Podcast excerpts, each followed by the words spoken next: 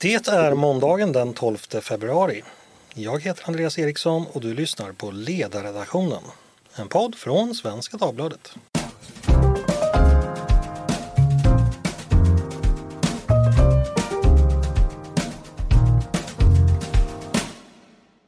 Varmt välkomna till oss och till en ny vecka med Ledarredaktionen. Under flera decennier har det inte funnits någon nationell planering för livsmedelsberedskapen i Sverige. Hotbilden har breddats och blivit mer komplex. Det säkerhetspolitiska läget har avsevärt försämrats. Vi anser därför att åtgärder som stärker livsmedelsberedskapen inte kan anstå. De här bistra raderna kan man läsa i inledningen på en utredning som för en dryg vecka sedan överlämnades till landsbygdsminister Peter Kullgren. Den heter just Livsmedelsberedskap för en ny tid och tillsattes av den förra regeringen. Det var Ingrid Pettersson som var utredare. Och det här ska också bli ämnet för dagen. Vem är det som har ansvar för att vi har mat att äta och annat vi behöver i samband med kris eller krig eller andra störningar? Vilket ansvar har vi själva och vilket ansvar har staten och myndigheterna? Vilka planer finns idag och vilka bör finnas imorgon? Det är några saker som man kan fundera på om det här. Och det ska vi just göra idag. Och till vår hjälp med våra funderingar så har jag med mig två gäster. Patrik Strömer från Livsmedelsföretagen som varit expert just i den utredningen jag nämnde tidigare. Välkommen hit Patrik! Tack så mycket! Och så min kollega Mattias Svensson, eh, alltid lika sakkunnig på det mesta, så också livsmedel. Välkommen hit Mattias! Tack så mycket! Du har också skrivit om det här på sidan ska sägas. Eh, vi börjar med det grundläggande Patrik, livsmedelsberedskap. Vad är det för någonting? Det finns ju ingen entydig definition skulle jag säga. Eh, och precis som du nämnde i inledningen, det har inte funnits något nationellt ansvar eller någon statlig central myndighet som ser till att vi får mat. Och ändå har vi lyckats få mat de sista 35 åren sedan Berlinmuren föll. För att det, det, det ordnar sig helt enkelt. Människor har ju en tendens att vilja lösa sina egna problem. Mm. Vad som är ett problem eh, när det gäller livsmedelsberedskap är naturligtvis eh, vad är det som behövs för att vi ska kunna få mat att sätta på bordet och någonting att dricka. Eh, och sen har vi de offentliga måltiderna också där det finns ett särskilt ansvar för patienter på sjukhus, äldreboenden, förskolebarn och elever i grundskolan. Mm. Nämnde du att de här 35 åren sedan Berlinmurens fall, de har ju ändå varit år som har präglats av viss eh, lugn och fred ute i världen. Till viss del har det hänt saker. Men det här tanken bakom den här utredningen och diskussionen för just nu, det är väl att det här vackra vädret inte kommer vara för evigt? Nej, och vi ser ju att det är allvarligt redan nu och har varit i två års tid efter Rysslands fullskaliga invasion av Ukraina. Så att när jag började med de här frågorna då var det fortfarande ganska lugnt. Men det var 2016 mm. när vi, det kom beslut att vi skulle upprätta ett, eller återupprätta totalförsvar igen. Och sen blev det torka 2018, sen kom en pandemi och sen krig på detta. Och det märkliga är ju då att trots att det inte finns någon central myndighet som ansvarar för mat så har vi kunnat ha tillgång på livsmedel i Sverige hela mm. Vi ska återkomma till de erfarenheterna för de är förstås viktiga. Eh, jag tänkte bara bakgrunden till den här utredningen som då tillsattes våren 2022. Vad var det regeringen tyckte det var dags att utreda då? Ja, men det var ju att se vad, vad är det som behöver göras och kanske framförallt finns det några hinder och problem eh, med, med, den lagstiftning som har funnits tidigare eller fortfarande finns tills den ändras då. Så att eh, det är väl ganska rimligt att man gör på det sättet. Sen har ju det blivit ett val och det är alltså en ny minister som tar emot den än den som tillsatte utredningen. Och jag kan väl tänka att det är ganska viktigt att det inte bara är statsrådet Peter Kullgren som ägnar sig åt de här frågorna utan det bör ju vara liksom ytterligare ministrar som eh, Carl-Oskar Bolin, då, minister för civilt försvar. Ebba Busch som är näringsminister. Det behövs eh, liksom samordning på detta. Man kan inte bara se det här som en lantbruksfråga eller enbart en livsmedelsfråga. Mattias, som jag sa, du skrev om den här utredningen i helgen på sidan. Eh, vad drog du för slutsatser av den? Eh, jag tycker att det var en mogen utredning som, eh, som var betydligt mer nyanserad än den eh, debatt vi har sett där, där det är så lätt att mycket av krisberedskap handlar om planering och olika statliga åtgärder och sådär. Och det är förstås Eh, det är förstås viktigt, men det, det, det, är bara så mycket man kan planera för och väldigt mycket, och det har vi ju sett i de här faktiska kriserna nu från pandemin och annat. Det var inte preppen som klarade eh, pandemin bäst. Plötsligt kom den här krisen som de var beredda på. Eh, men det utvecklade sig ändå inte på det sätt som man hade planerat för. Utan, utan det som är viktigt i de här lägena men som är svårt att planera för är ju just att kunna improvisera i stunden. Att vad har vi för resurser tillgängliga? Och det där är ju inte mindre viktigt eh, i ett krig därför att inte heller då kan vi riktigt planera för vilka skeden kommer det här att ta utan framför allt behöver vi en, en, en beredskap att kunna fatta beslut på på ett snabbt, smidigt sätt för att anpassa oss. Och eh, det vet vi ju från de här kriserna att marknadssystem och de signaler och den information som finns och den vana som finns också i företag att fatta de här besluten, de är ovärderliga i sådana här krissituationer. Men när du säger att du, du blev lite positivt överraskad att den siktade på det, så att säga, rätt saker.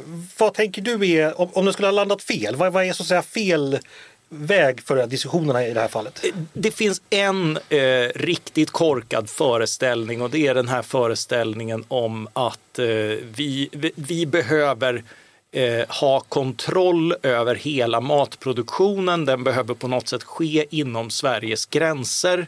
Eh, och så finns det ett mått man ofta använder på det här eh, som är, ja, vad heter det? Självförsörjning. Självförsörjningsgrad. Mm. Eh, och det måttet säger i stort sett ingenting för Sveriges beredskap därför att det handlar om värden. Eh, och vi importerar till exempel i stort i värde är ju till exempel när jag köper ett eh, dyrt rött vin och eh, några goda ostar till från Frankrike. då är ju det ett väldigt stort värde. Mm. Men eh, som försörjningsberedskap så kan jag ganska lätt avstå från det här och tugga i mig gryn istället. Men den dagen, den sorgen.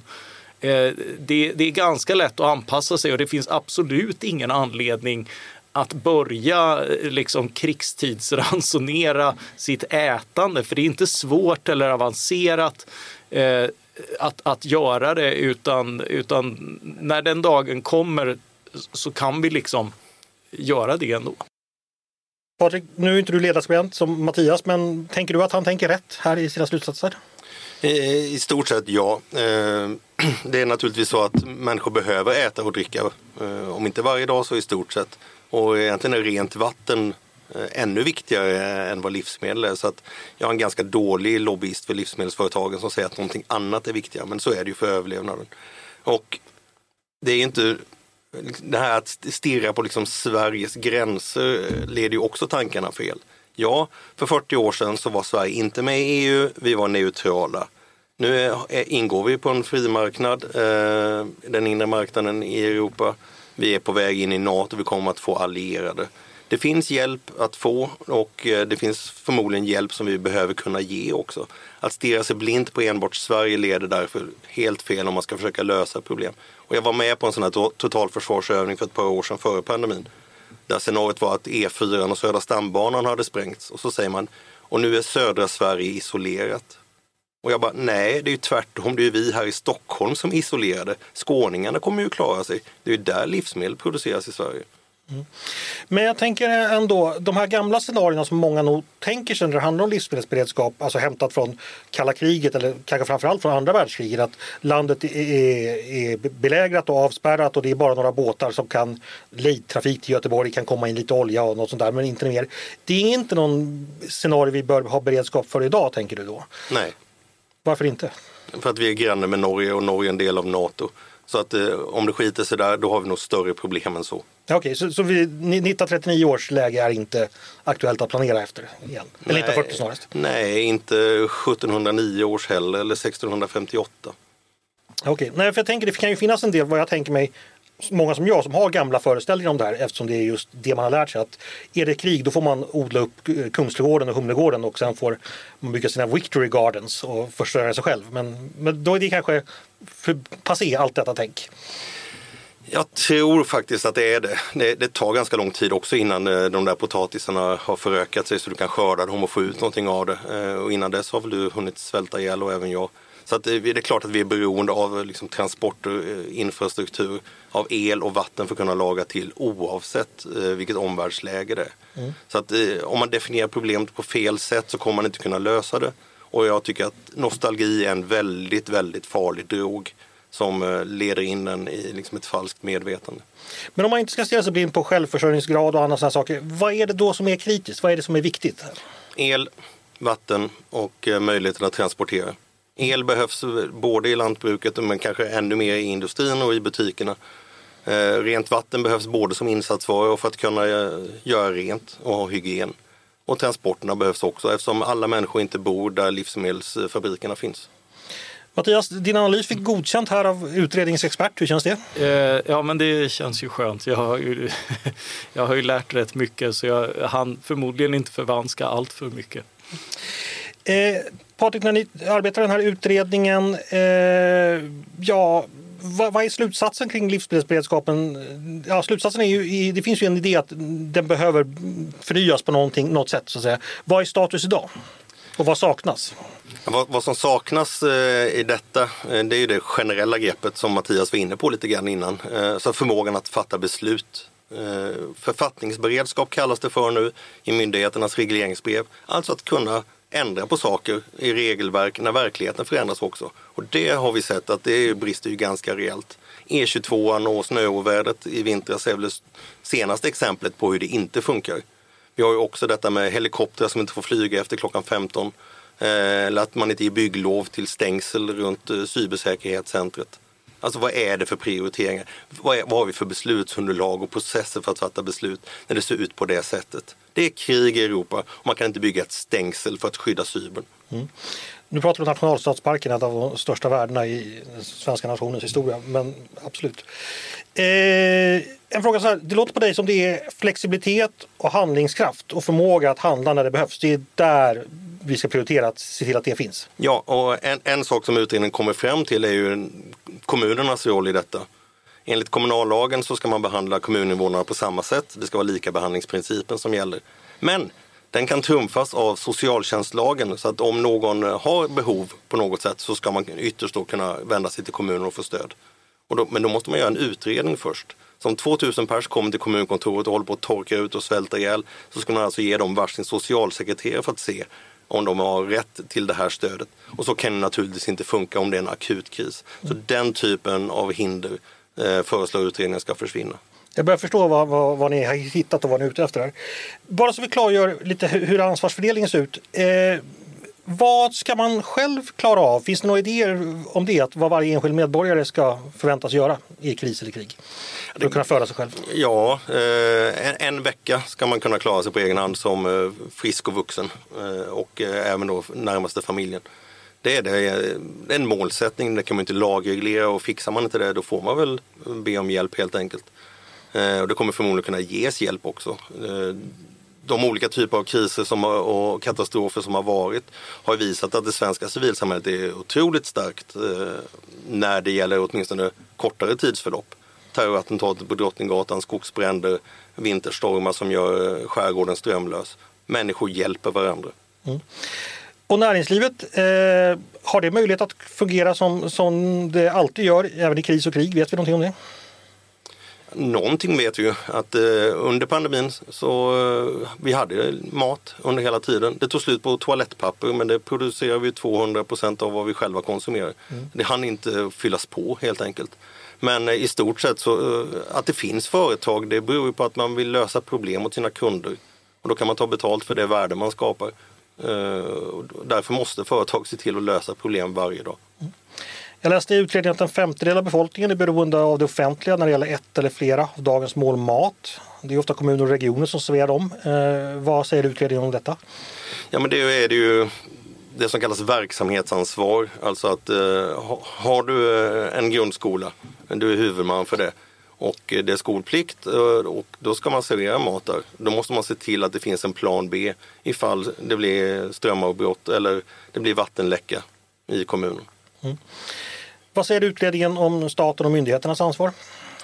Att eh, Jordbruksverket får mandat att kunna upphandla viktiga insatsvaror för jordbruket. Eh, utsäde, eh, gödsel, växtskyddsmedel så att man kan hålla igång odling eh, i alla fall och på det sättet köpa sig lite tid för de övriga beslut som kan behövas. Ska det här finnas på förhand eller ska det ske vid ett speciellt tillfälle? Nej, det, tanken är att det här måste byggas upp under ganska lång tid egentligen för att inte bli för marknadsstörande heller. Så det är en, det är en ganska delikat balansgång där, att, att gå in och, och, och köpa saker från statens sida. Och då, då talar vi om ett beredskapslager helt enkelt? Då blir det ju, ja, eh, det är beredskap för att kunna handla på ett annat sätt eh, när det är kris helt enkelt. Okej, okay. det var Jordbruksverket, Livsmedelsverket? Ja, Livsmedelsverket, där planer, eller föreslås ett särskilt råd för, för att eh, kunna identifiera störningar och vidta åtgärder också.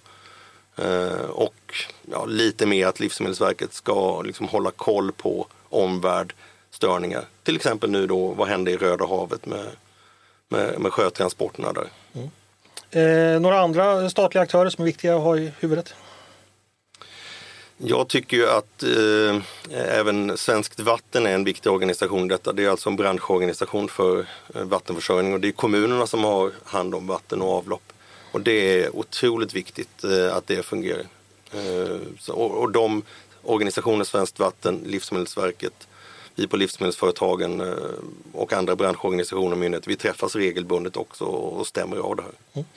Mattias, när du hör på allt det här, tycker du det låter bra? Eh, ja, men som sagt, jag tycker att det låter som en, eh, en, en väl avvägd blandning av... Eh, alltså det offentliga är väldigt stort i Sverige och har ett väldigt stort ansvar och, och det är ju snarare mycket gick förlorat i eh, eh, debatten kring Carl-Oskar Bolins eh, totalförsvarsvision som han formulerade i början av året på Folk och Försvar. Mycket av det riktades ju just till ansvariga i kommuner och myndigheter och vi underskattar ju ofta hur stort det ansvaret är just för äldre, sjuka, eh, barn, eh, skolelever eh, som varje dag får ett eller flera mål mat genom det offentliga och det ansvaret har de ju förstås också eh, i en krigs och krissituation. Mm. Jag tänker det Patrik säger om nostalgi och även det jag själv lite var inne på att man kanske har gamla föreställningar om det här.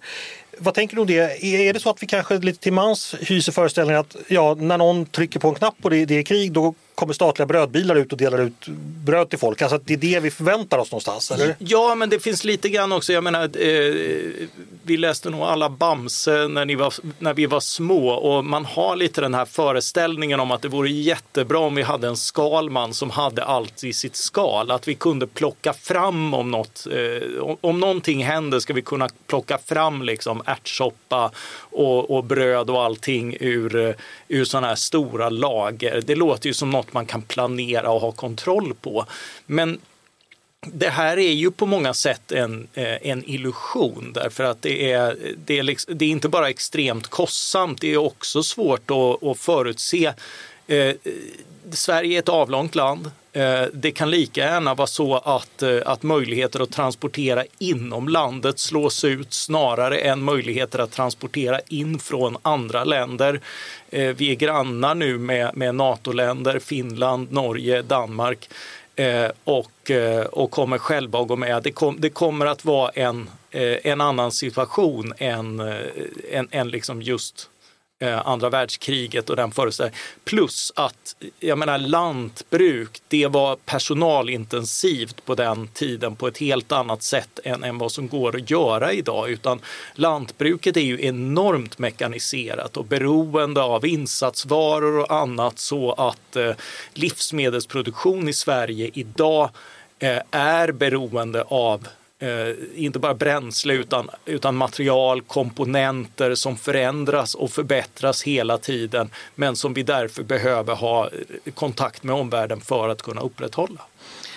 Eh, Patrik, just jordbruk är intressant. Eh, Talar utredningen någonting om det? Att eh, om vi bör ha viss jordbruksmark eller bevara viss jordbruksmark eller ha mark i beredskap för att kunna odla upp mer om så skulle vara? Ja, men det talas eh, om detta och det är klart att jordbruksmark är viktigt. Eh, samtidigt eh, är, det ju så också att man, man, man, tänker eh, man pratar om robusthet, man pratar resiliens, man pratar re, beredskap. Jag skulle säga att robusthet och res, resiliens det är att göra eh, vardagen bättre fungerande Eh, på olika sätt. Och där skulle det behövas betydligt mer också. Vi är inne på tredje mandatperioden med en livsmedelsstrategi. Och det ska väl komma en ny livsmedelsstrategi under året men då är det frågan, blir det också en önskelista om att man vill ha mer svensk livsmedelsproduktion eller blir det faktiskt en strategi för att göra det enklare och billigare att producera livsmedel i Sverige? Beredskap är ju förmågan att kunna göra någonting annorlunda när verkligheten ändras. Så jag, jag tror att det behövs både eh, liksom, robusthet och beredskap. Mm. Eh, finns det mer saker som kom fram i utredningen som du, du tycker är värt att nämna så här till en lite bredare krets? Jag tycker det är viktigt att man slår fast eh, vikten av internationell handel, att vi är en del av EU, att vi har ett solidariskt ansvar för länder, framförallt då kanske på andra sidan Östersjön. Finland och Baltikum är ju nästan geopolitiska öar på den inre marknaden. Så att, att utredningen har lyft blicken lite grann och inte bara tittar väldigt, väldigt snävt på liksom 1989 års gränser för Sverige tycker jag är, bland det ja, mest värdefulla i det här dokumentet. Var det någonting som förvånade dig under arbetet med den här utredningen? Som du inte hade tänkt på innan eller som var åh fan sådär? Nej, egentligen inte. Helt iskallt? Du hade kunnat plocka fram den innan utredningen? Nej, men det, ja, men det en sak som förvånar är ändå hur otroligt mycket lagar och regler och förordningar och myndigheter, alltså kommunerna är ju tillsynsmyndigheter, länsstyrelserna ska samordna. Det är väldigt mycket som reglerar vad man får göra. Alltså oavsett om du är lantbrukare eller om du driver ett bageri så ja, du måste göra vissa saker. Du måste hålla avtal, leverera till dina kunder, betala dina leverantörer, din personal. Vad du kan göra är materiella förutsättningar. Finns det maskiner, finns det råvaror, finns det energi, finns det transporter? Och sen det sista, vad får man göra? Ja, det kan ju vara otroligt mycket som du inte får göra. Och jag hade en finländsk kollega som sa lite skämtsamt, ja, blir det krig då är det nog en och annan byråkratisk finess som åker ut genom fönstret. Mm. Och det skulle kanske kunna göra redan i fredstid kan jag tänka. Intressant att du nämner Finland. Bara en snabb fråga där. Är de någon sorts, skulle du säga, föregångsland när det gäller den här typen av planering? Det framställs ju ibland så. Framförallt har de ju eh, beslutsförmåga. Eh, om det krisar som under pandemin så fattar de beslut väldigt snabbt. Eh, folk fick inte åka på Finlands kryssning och då hamnar båtarna i hamn. Och så upptäcker man, oj, 60 procent av alla lastbilar som kommer med viktiga förnödenheter till Finland kommer inte fram just nu. Ja, då sätter man sig och så säger man okej, okay, vi upphandlar funktionen transporttjänst här. Och sen är båtarna igång på tre dagar. Okay. Hur ska regeringen ta den här utredningen vidare, tror du? Eller tänker du? Ja, de, den ska väl ut på remiss och sen hoppas jag väl att det blir olika typer av lagförslag enligt eh, betänkandet. Mm. Har du någon uppfattning om det finns eh, politiska olika uppfattningar här i olika partier eller är det här någonting som alla är med på båten? Eh, nej, det vågar jag inte säga om det finns någonting väldigt annorlunda men jag tror att det är ungefär som med försvarsberedningen så, så finns det liksom en bred samsyn om detta. Eh, det finns säkert någon som kan tycka att ja, det är jätteviktigt att staten tar ett ännu större ansvar. Jag skulle säga att det är en väldigt tur att staten har så pass lite ansvar när det gäller livsmedelsproduktion eh, så, som vi har i Sverige. Det, om vi ser på läkemedel och tillgångar så försöker man ju reglera på olika sätt och, och ha olika typer av lager. Och det riskerar att krångla till det ganska mycket. Sen kanske mat och, läkemedel är olika typer av varor också. Mat är mycket mer substituerbart. Mm. Mattias, har du någon uppfattning i den frågan huruvida det finns några konfliktlinjer här eller att man tänker olika beroende på vilket politiskt håll man kommer? Jo, men det kan säkert, eh, blir det en tävlan eh, så blir det en tävlan om vem som kan planera mest. Eh, därför att det är hanterbart, det, det skänker en känsla av trygghet, det går att bjuda över varandra och, och det är ju liksom som Bastia säger vad man ser. Och det man inte ser är att resurser har en alternativ användning som förmodligen hade kunnat vara betydligt smartare. Eh, man, man rör sig i den här utredningen eh, kring att, ja men som Strömmer är inne på, bränsle, el och eh, och även sånt som både kan ätas och användas som utsäde är ganska praktiskt att ha. Eh, men ganska snabbt därefter så avtar marginalnyttan av lagerhållning och blir något sånt här som till stora kostnader riskerar att vara förfelat i när, när krisen kommer därför att den ser annorlunda ut än man hade planerat för. Det finns en falsk trygghet i planering. Det betyder inte att man inte ska planera alls och, och framförallt så tror jag att eh, det kan finnas en stor sekundärnytta i de här råden och annat som ska träffa träffas så att man får en koll på varandras eh, varandras verklighet så att, så att man eh, har ett kunskapsläge att improvisera utifrån när, eh, om, om, det, om det skulle falla sig så att det, att det värsta händer och vi blir anfallna. Mm. Vi ska snart ta oss ihop där. Eh, en fråga till dig till Patrik. Du ska få recensera Mattias lite. Finns det risk att man blir lite för laissez här eh, och kanske tänker för lite för mycket på att det ordnar sig, det finns en världshandel kommer alltid hjälpa oss och globaliseringen och så vidare. Att, ja, vi, fredsskadade är ett dumt ord, men liksom att det ändå kan finnas någonting där vi tycker det har gått bra hittills och att vi helt enkelt inte förstår hur skarpt det egentligen kan bli. Ser du en sån risk?